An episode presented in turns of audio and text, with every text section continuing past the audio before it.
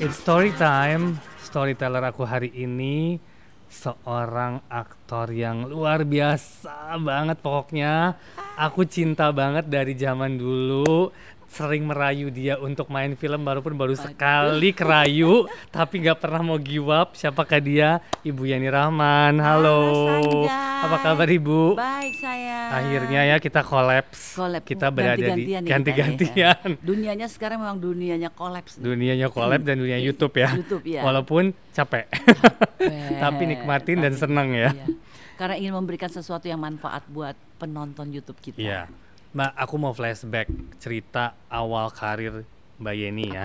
Iya, kan kalau nggak salah Mbak start tuh tahun 1973. Iya, iya. Which is aku masih dua tahun tuh Mbak. Tapi kan setelah itu film-filmnya wah, Gadis Maraton, Kabut Sutra Kartini, Ungu, Kartini. ya. Siapa yang nggak tahu? Awalnya gimana Mbak Yeni bisa masuk ke dunia acting? Dunia acting. Gimana ya? Awalnya sih udah pasti saya juga udah pernah udah pernah banyak cerita juga ke teman-teman Iya, ya. mm-mm. Awalnya memang jadi sesuatu yang nggak sengaja nih. Karena aku pada saat itu senang main ice skating, di ice skating ada pembuatan film dan waktu itu artis terkenalnya Leni Marlina.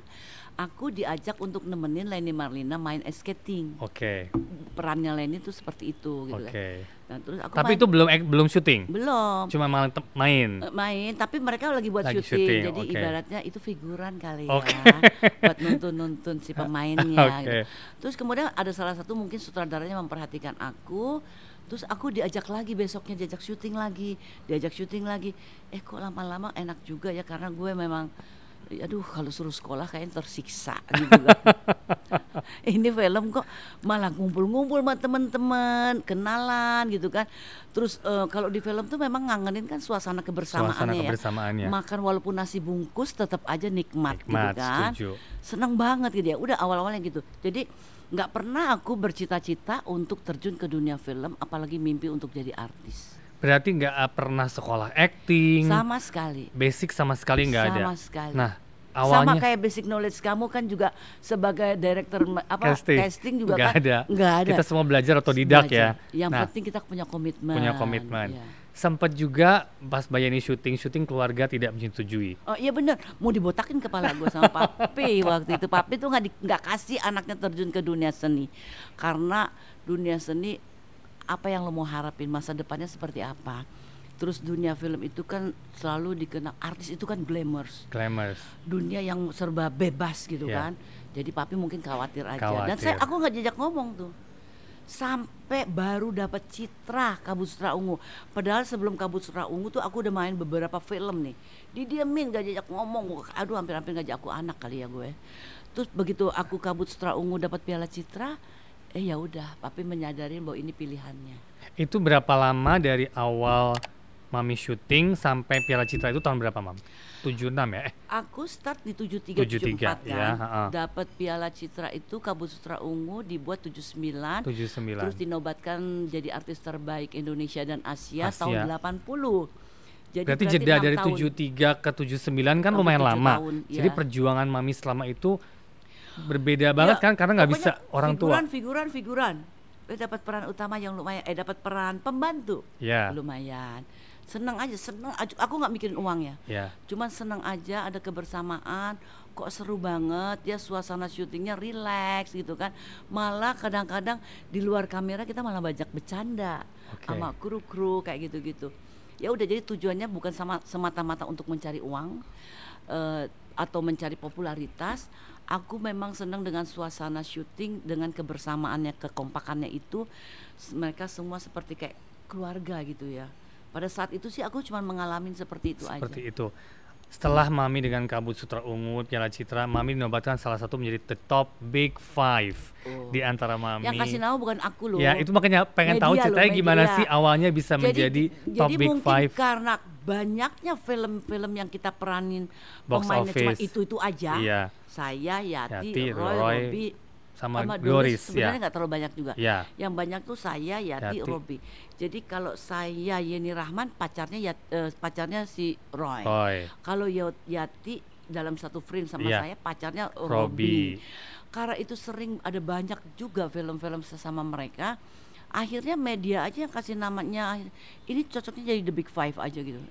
Jadi bukan kita. gitu. Oke, sempat saya juga lihat di salah satu YouTube Mami dengan The Big Five ini yang merusak harga pada saat itu. Wah, itu Kalian berlima itu menjadi yang termahal katanya. Ya enggak sih mereka juga yang bilang Heeh. Per- pada saat itu kebetulan Ha-ha. ya memang keberuntungan lagi di pihak kita. Jadi film-film yang kita perankan itu selalu menjadi jaminan market, Betul. jaminan pasar. Betul. Kadang-kadang broker ya waktu itu ya, Ha-ha. yang beli film itu broker ya. Broker itu dia nggak lihat cerita lagi. Dia nggak lihat cerita, dia nggak lihat sutradara, nggak lihat siapa-siapa. Pemainnya pokoknya siapa? lihat pemainnya siapa langsung dibayar produsernya jadi kadang-kadang waktu itu ya produser belum keluarin uang untuk produksi dia udah ngumpulin uang dari broker. Dari broker benar-benar jadi benar. pa- kondisinya pada saat itu Berbeda ya sama Ya. sekarang. Kayak kita akhirnya produser untung kita juga untung Iya. akhirnya produser juga yang berlomba-lomba untuk mendapatkan kita dan di antara mereka juga yang bersaing untuk bayar siapa yang paling mahal Paling mahal. jadi kita nggak pernah menempatkan diri kita bayar gue sekian ya, gue paling mahal enggak. Jadi produser tuh saking untuk mendapatkan schedule kita. Jadi siapa yang berani paling, Paling mahal ya tinggi. itu yang dapat gitu loh.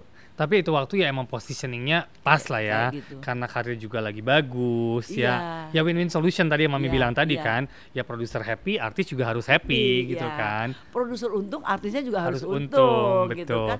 Film-filmnya kan rata-rata box office semua Iya, gitu kan. Betul. Nah selama syuting, pengalaman-pengalaman apa sih yang Mami rasakan? Mungkin unik atau yang tak terlupakan lah, mungkin ada nggak gitu kan?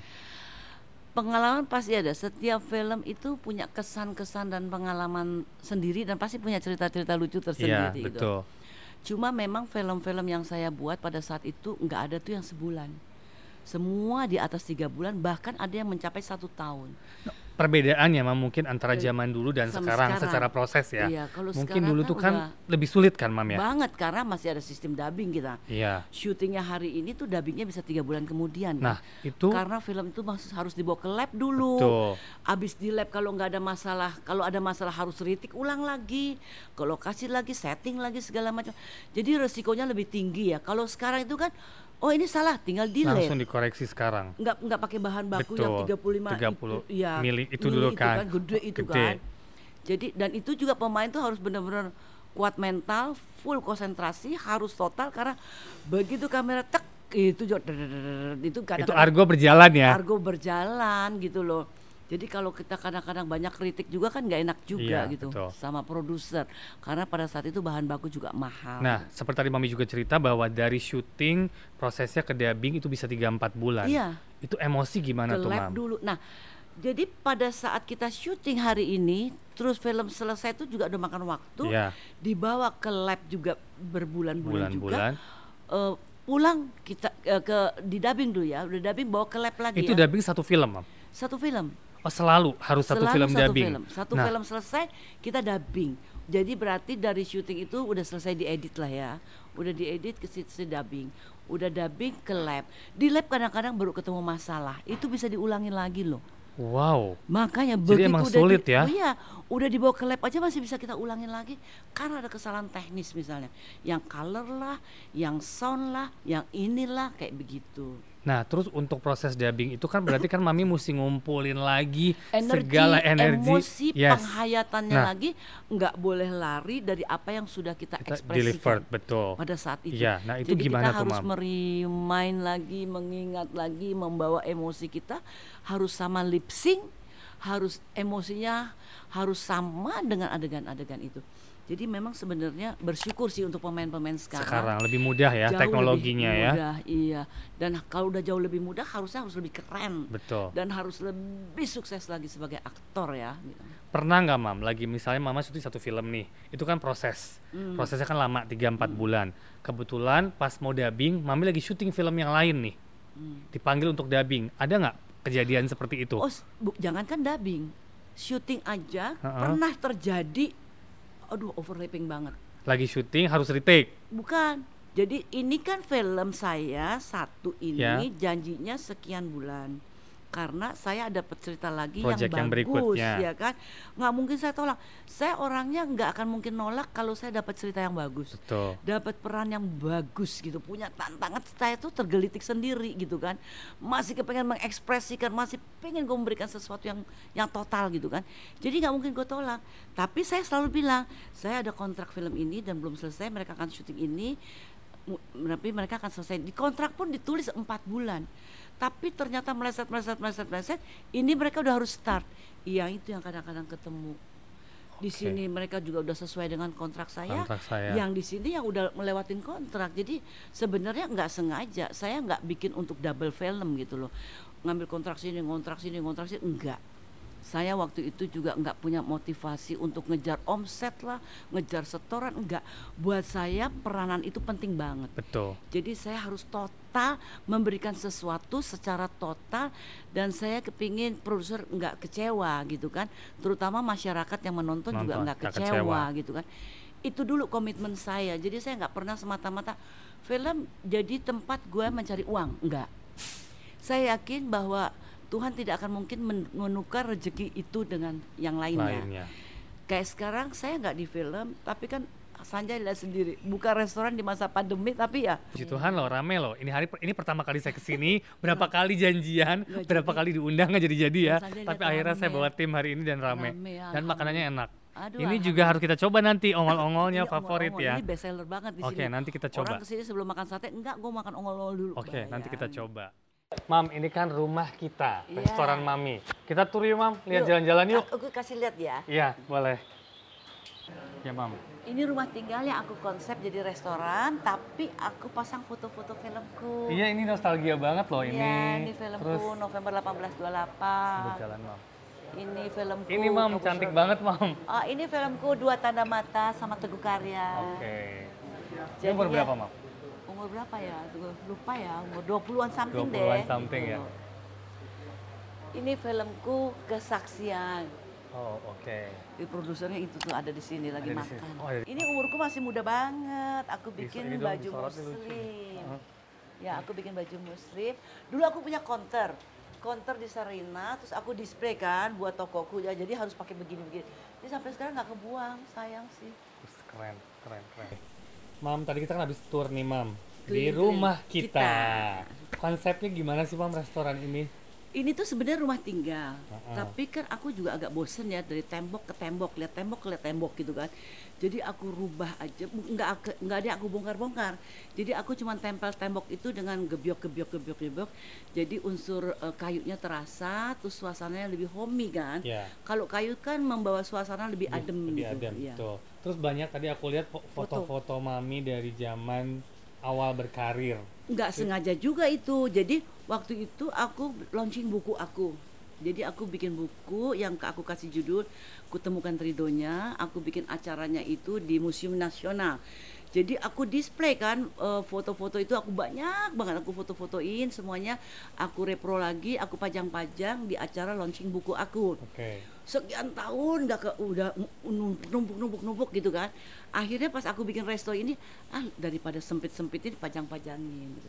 Jadi mengingatkan aku oh ini film aku ini ini film aku ini Berarti Mami semua klipnya kumpulin ya, foto-foto itu ada yang ada ada yang enggak pastinya Iya, kan. pasti ada- Tapi dari ada. tahun 70-an itu berarti punya koleksi yang lumayan banyak ya. tapi yang 70 nggak tahu pada hilang ke mana Tapi tadi yang di depan tuh kan cantik sekali loh, Mam itu. oh itu kebetulan waktu itu aku sempet juga sih Sanjay aku bikin baju muslim Oke. Jadi waktu aku udah nggak nggak di film, aku bikin garment baju muslim. Nah terus aku punya counter waktu itu di Sarinah tuh. Jadi counter itu aku udah boleh bebas display sesuka-suka saya. Jadi saya bikin foto tuh gue gede-gedein. Tapi ya masya Allah ya waktu itu still foto fotografernya hebat banget loh. Darwis siapa yang nggak kenal Darwis, Darwis? yes. Nah itu Darwis yang ngambil gitu Oke. loh.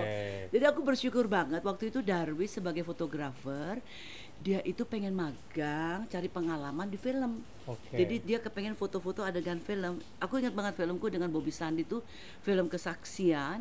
Darwis fotografernya sekalian aja aku minta bantuin gue dong kamu bikin katalog buat buat baju-baju muslim gue hasilnya itu Bagus ya. Mm-mm, Kerennya sampai lucu. sekarang aja berapa tahun yang lalu Iya. tapi tetap elegan masih dapet. Lucu ya. Lucu keren keren keren. dan itu baju desain aku sendiri Oh, good good good. Terus Mam, Mami udah nggak syuting berapa tahun nih, Mam? Terakhir kita yang di bawah lindungan Ka'bah Oke. itu yang setengah-setengah dipaksa ya, dirayu ya Kita sama ngomongin di bawah lindungan kabar nih. Waduh. Aku tuh ngefans Mami dari zaman dulu. Masa? Ya, iya dari zaman dulu. Pas baca skrip itu ada dua peran ibu kan. Iya benar. Aku cuma kepikiran gue pengen banget yang main Mami Yani Rahman, tapi gimana caranya gitu kan. Itu udah 20 tahun nggak berarti. aku udah hilang, udah Ya, hilang. 20 tahun nggak nggak Iya, acting. ek- udah tapi aku tidak pernah stop datang ke kantor Parvip saat itu ya kan. berkali-kali Berkali-kali. merayu. Heeh. Apa yang akhirnya membuat Mami luluh? Eh, luluhnya karena terus terang aja nama besar yang diambil waktu itu dari bukunya Hamka, Hamka, Buya betul. Hamka. Ya. Jadi tiba-tiba ada kepanggil hati ini, kan ini juga buat dakwah gitu. Film bukan cuma sekedar film, Ya. tapi film juga bisa punya misi dakwah. Bisa juga ada muatan-muatan syiar. Dan film ini juga dibuat digarap percintaan se- eh, seorang remaja, dua remaja, tapi dikemasnya cantik, bagus, tetap berpegang kepada nilai-nilai budaya yang mereka miliki. Sampai akhirnya anak aku terusir gara-gara mau menolongin, mau mompak Bella waktu itu sehingga terkesan seperti ciuman Ciuman, betul. akhirnya dia didolat untuk keluar dari kampung itu itu kan salah satu culture ya mereka Yes. tetap berpegang teguh pada, Pada, budaya pada itu budaya itu. jadi cerita itu juga yang membuat aku akhirnya ya udah deh Sanjay udah bulak balik bulak balik masa ke enggak ke gue dan cerita itu juga punya syiar agamanya gitu ya kenapa enggak gitulah dan aku terima kasih saja boleh pilih mengasih kesempatan aku untuk milih mau peran ini atau mau peran ini tapi aku lebih memilih untuk jadi ibunya Junor Karena emang secara dramatik jauh lebih strong sih. iya Ya both are good, Iya. cuman emang di sini ya aku nggak salah sih, mami memilih itu. Iya. Peran satunya saya kasih ke Ibu Widiawati, dan Widiawati. dua-duanya strong, pas pas ya. gitu loh. Tapi terus terang aja dalam film di bawah lindungan Ka'bah yang aku baca skenario-nya dari scene by scene, adegan per adegan, ada yang aku nggak puas itu karena ada satu adegan yang justru aku suka itu dihilangin gitu loh. Pas jadi. Pas jadi itu nggak nggak sempat diambil syutingnya. Oh nggak sempat diambil. Di situ kan kelihatan letihnya si ibunya Junot itu, letih, dia harus mikul barang-barang, Iya. kelihatan banget nih ini orang mau kerja keras kayak gitu-gitu. Kan dia numpang hidup ibaratnya, dapat pekerjaan dari keluarganya Bella aja udah bagus. Makanya dia bilang kamu tuh jangan mimpi, masa mau mau pacaran atau mau menikah sama orang yang bukan sederajat dengan kamu gitu kan. Nah itu adegan kelihatan adegan ibunya itu kerja keras, ngangkat ini ngangkat itu dihilangin. Padahal aku suka banget di situ. Nah sekarang dari bawah lindungan Ka'bah ke hari ini udah berapa tahun tuh mam? 10? Ada ya? Ada? Ada kali ya. Kenapa sampai hari ini belum ada syuting film lagi? Nggak ada Sanjay lagi soalnya.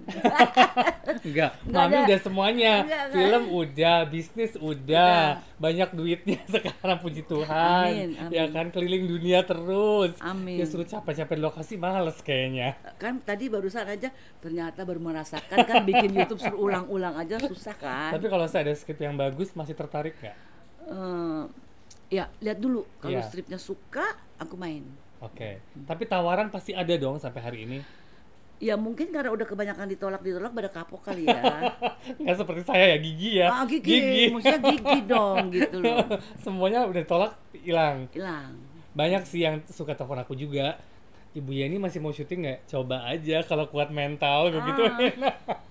Coba aja kalau kuat mental. Karena karena kita masih ada darah daging kita di situ ya. Iya. Jiwa seni kita ada di situ, passion kita ada di situ. Pasti ya rindu sih ada ya. Rindu pasti ada. Cuman memang sebelum di bawah lindungan Ka'bah pun ada beberapa tawaran tapi dia nggak kena di hati saya. Gue mendingan gue ngurusin ini ngurusin itu gitu loh. Kesibukan-kesibukan yang lain gitu. Bermain sudah, piala citra udah, bisnis udah, semua udah. Niat jadi produser nggak? Ya, jadi produser. Udah juga kan kayaknya. Udah pernah belum? Enggak juga. Kalau aku jadi produser, aku tahu banget pusingnya kayak apa. Kita kalau jadi produser itu bukan cuma sekedar bahwa kita punya modal loh. Yes. Tapi bagaimana kita mencari satu cerita yang kena banget, pas banget. Udah filmnya selesai juga bagaimana strategi untuk marketingnya, untuk promosinya. Berarti nggak akan berhenti berpikir di sini. Ya. Terus gitu kan. Belum lagi resikonya. Ya, Kayak sekarang pandemi begini susah. susah ya kan itu sih mungkin keinginan untuk jadi produser bisa iya bisa enggak. Tapi misalnya kalau kita kolaborasi kita sharing kan jadi pusingnya nggak di gue sendiri Iya, gitu ada loh, ada di partner gitu Iya. kan. Nggak apa-apa kalau kayak gitu. Tapi obsesi yang masih ngeganjel di sini ada ketidakpuasan saya pada saat saya eh, ber- diberikan satu peranan pasti setiap pemain tuh ada nggak rasa ada rasa nggak puasnya. Sehingga itu yang membuat obsesi saya kalau gue nyutradarain film gue kepengen pemain tuh ekspresinya kayak gini dia harus emosinya kayak gini gitu loh. Jadi karena termotivasi ke ke masih ada yang ngeganjal kekurang puasan kita sebagai pemain maka akhirnya suatu saat gue mau jadi sutradara gue mau direct pemain harus bisa begini gitu Oke, itu aja itu satu misi yang belum ya. Iya. Mudah-mudahan segera bisa terrealisasi. Dan Amin. pasti ditunggu filmnya. Kalau bisa sebagai director, sebagai pemain, tetap berharap jadi pemain nggak juga. mungkin juga kalau jadi sutradara sutradara aja gitu Tapi kan sekarang banyak, Mam. Director dan pemain di luar negeri juga banyak kan, Mam? nggak mungkin deh kalau gue ya di paralel paralel begitu nggak Salah satu fokus ya. harus satu, salah satu Nah, kesibukan Mami sekarang nih, Mam. Oke, jelas punya restoran. Mami juga lagi sibuk dengan mungkin banyak kegiatan ya, Mam ya. Iya. Satunya panti asuhan ya, Mam ya. Itu ya gimana, untuk Mam, ceritanya itu bisa untuk kegiatan-kegiatan sosial tentunya sebagai manusia sebagai makhluk hidup kita tidak boleh lupa bahwa eh, apa yang dititipkan rezeki itu dari yang kuasa itu tidak hanya untuk diri kita sendiri tapi pasti ada titipan itu untuk yang lainnya terutama bagi saudara-saudara kita yang tidak mampu. Apalagi eh, anak-anak yatim piatu yang tidak punya ayah tidak punya ibu. jadi saya selalu bersyukur sama Allah apa yang Allah berikan ini tidak semuanya milik saya termasuk dunia berikut isinya juga itu kan sebenarnya cuma dipinjemin aja ya Sanjay. Betul. Jadi selalu saya peduli dengan mereka, ingin berbagi kebahagiaan dengan mereka dan alhamdulillah setiap hari Jumat sampai hari ini sih dengan izinnya Allah saya selalu ingat memberikan makanan-makan juga kepada mereka. Oke. Termasuk yang para duafanya gitu. Oke.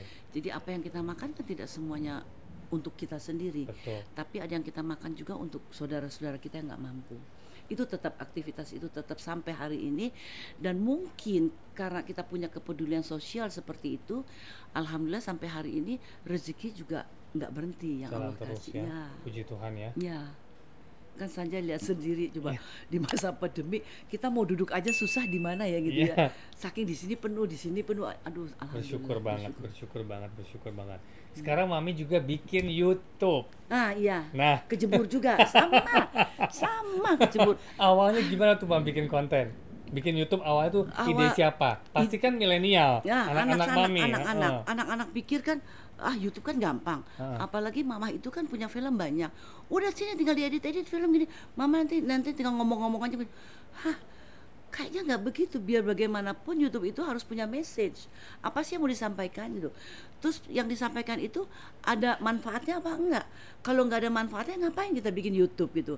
Nah, akhirnya karena anak dorong dorong dorong terus ya udah eh ternyata akhirnya dia nggak nggak bisa terjun total ya kita udah kejebur udah tampil udah muncul di YouTube berarti gua nggak bisa mundur nggak bisa atlet nih gitu loh mau nggak mau bikin konten tapi nggak apa-apa memang agak sedikit lelah sedikit Tapi happy capek, kok. tapi happy dinikmatin aja Apalagi gitu. kalau bertemu dengan teman-teman lama kan, saya lihat Iya. kontennya Mami kan ada memori-memori dengan dulu-dulu, Yati, iya. dengan Lenny Marlina, Marlina, kayak dengan gitu. Roy Martin dan ya akhirnya semua. Buat eh, buat s- men- mer- melepaskan rasa kangen kita sekian tahun kita udah nggak ket- pernah ketemu lagi dan mereka juga semua masing-masing juga terus terang aja film juga udah nggak terlalu banyak kita nggak akan ketemu juga di frame Di misalnya frame, mm. akhirnya ketemunya di frame-nya ini frame-nya YouTube karena saya kepingin juga di dalam YouTube saya ini kita saling menggali pengalaman Masing-masing.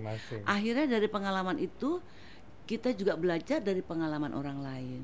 Terus kemudian pengalaman orang lain dengan pengalaman kita bisa kita sharing sehingga itu juga bisa eh, membawa manfaat juga buat eh, yang yang menonton YouTube kita gitu. Kalau Sanjay ini motivasinya apa? Sebetulnya awalnya Kejebur. pandemi sih, Mam. Oh ya. Kan kita sempat break lama. Hmm. karena kerja juga enggak cuma Ya. di rumah yang biasa ngapa-ngapain. sibuk biasa full of work Ya. tahu tiga bulan di rumah mau gila sih mam. Setiap hari cuma di rumah nggak bisa keluar. Akhirnya kepikiran kan udah deh bikin konten iseng-iseng. Eh, awalnya bikin konten iseng-iseng akhirnya udah kecebur kok kayaknya eh, kita harus benar tadi mengcreate sesuatu yang berbeda dan Kreativitas harus nggak boleh mati nggak boleh ya. mati dan harus ada message juga ke orang yang mendengarkan kita mungkin memberikan Iya. Bukan bukan Motivasi, menggurui memberikan bukan, motivasi, motivasi. kasih share pengalaman kita, Kita, kalau kita iya. mau kerja keras tuh bisa, Bisa, iya, betul. mungkin ke situ akhirnya sama secara Iya, konsep jadi iya. akhirnya ya udah lanjut dan sekarang juga punya tim yang luar biasa banget jadi aku Iya, juga makin serius gitu kan makin Iya. kejar bintang tamu tugasnya kan ngejar bintang tamu Nah, yang itu susah dia. kan Nyari narasumber, nyari tema. Aduh, ternyata ini ya cukup-cukup pusing juga. Tapi disyukurin aja karena niat nawaitunya itu gue pengen berbagi pengalaman gue yang pengalaman ini bisa juga membawa manfaat atau paling tidak bisa menyemangatin mereka Betul. dalam kondisi-kondisi tertentu.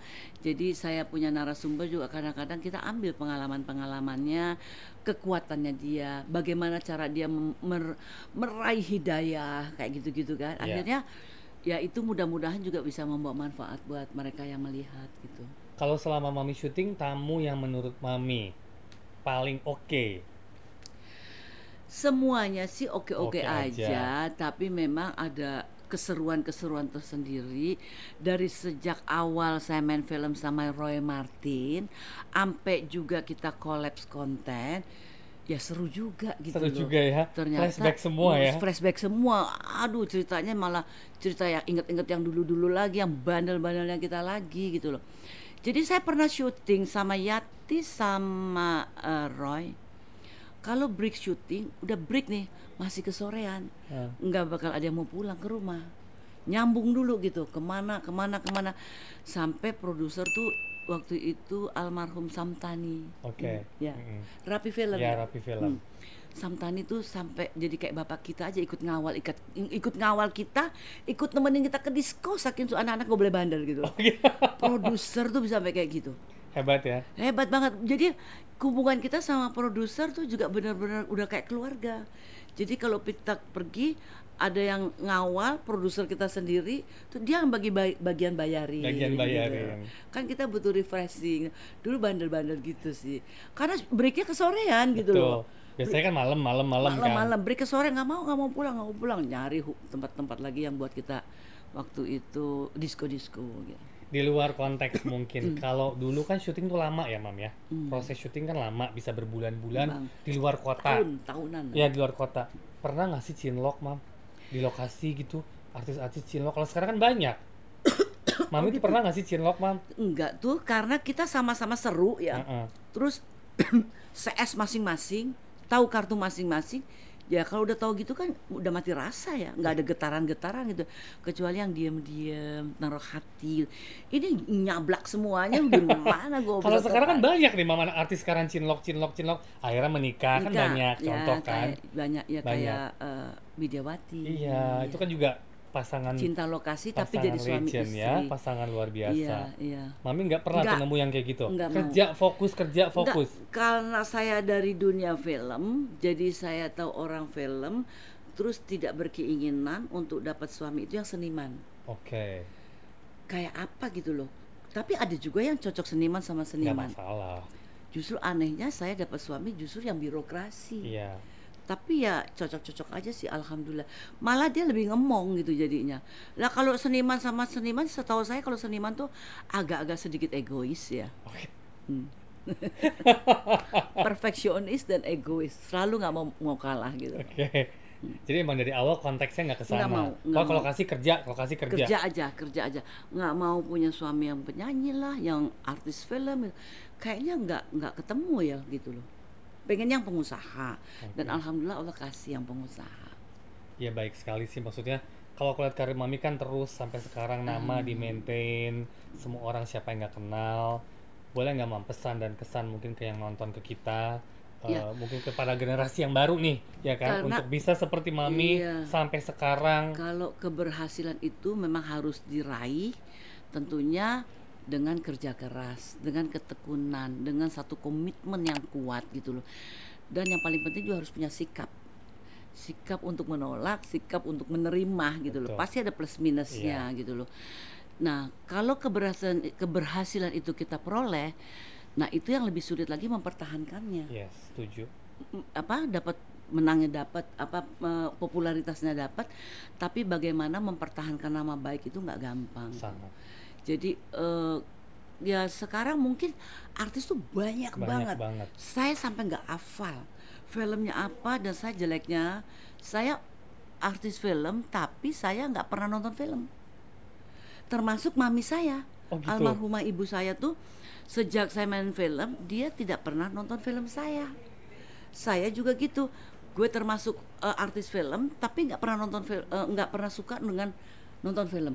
Jadi kalau aku masuk ke bioskop, aduh kayaknya ngap gitu loh, karena gelap gitu kan. Jadi ya lewat lewat lewat TV. Tapi di TV sinetron pun aku nggak terlalu banyak ngikutin, sehingga aku nggak terlalu banyak ngikutin artis-artis muda Siapa, sekarang, betul. siapa siapa gitu ya. Kecuali yang benar-benar udah menunjukkan prestasinya, ah, mau nggak mau kita dengar. Kita dengar, betul. Akhirnya penasaran, oh gue mau lihat filmnya Betul, gitu karena kan. dengan sosial media sekarang kan juga lebih, Betul, jauh lebih iya. cepat ya. Jadi kita bisa ngikutin gitu. iya. Hmm. Ya, mudah-mudahan sih mereka-mereka yang sudah mendapatkan kesempatan untuk bisa memperoleh popularitas sebagai aktor, punya komitmen, punya sikap dan punya prestasi, Iya, ya itu harus dijaga benar-benar. Yes. Karena mempertahankannya lebih sulit. lebih sulit. Setuju sekali kata-kata itu Hmm. karena sekarang banyak sekali artis naik cepat turun. Hilang lagi. Banyak sekali kan karena Iya, mungkin iya. mereka belum tahu how to maintain. Iya. Karena benar, salah satu Iya. kunci itu memaintain, menjaga itu sangat sulit. Karena perilaku kita itu pasti akan jadi sorotan orang Yes, gitu kan. setuju. Dan baik buruk kita itu juga pasti akan eh, diperhatikan orang. Niat baik aja kadang-kadang belum tentu keterima Belum baik tentu loh. keterima baik, setuju. Apalagi kita melakukan satu perilaku yang salah. Iya, setuju. Oke, thank you banget hari ini, Sama-sama, Mam. sayang. Thank you so much hari ini. Aku Sama-sama. happy banget bisa bertemu dengan legend. Walaupun ibu, tadi kitanya agak kehalang kena- dengan kehalang hujan. legend, ibu yang sangat luar biasa. Eh, jangan lupa subscribe, like, comment. Hari Komen. ini Hello Story with kesayangan saya. Sanjay. Sukses ya. Sanjay. Thank you. Bye. Bye.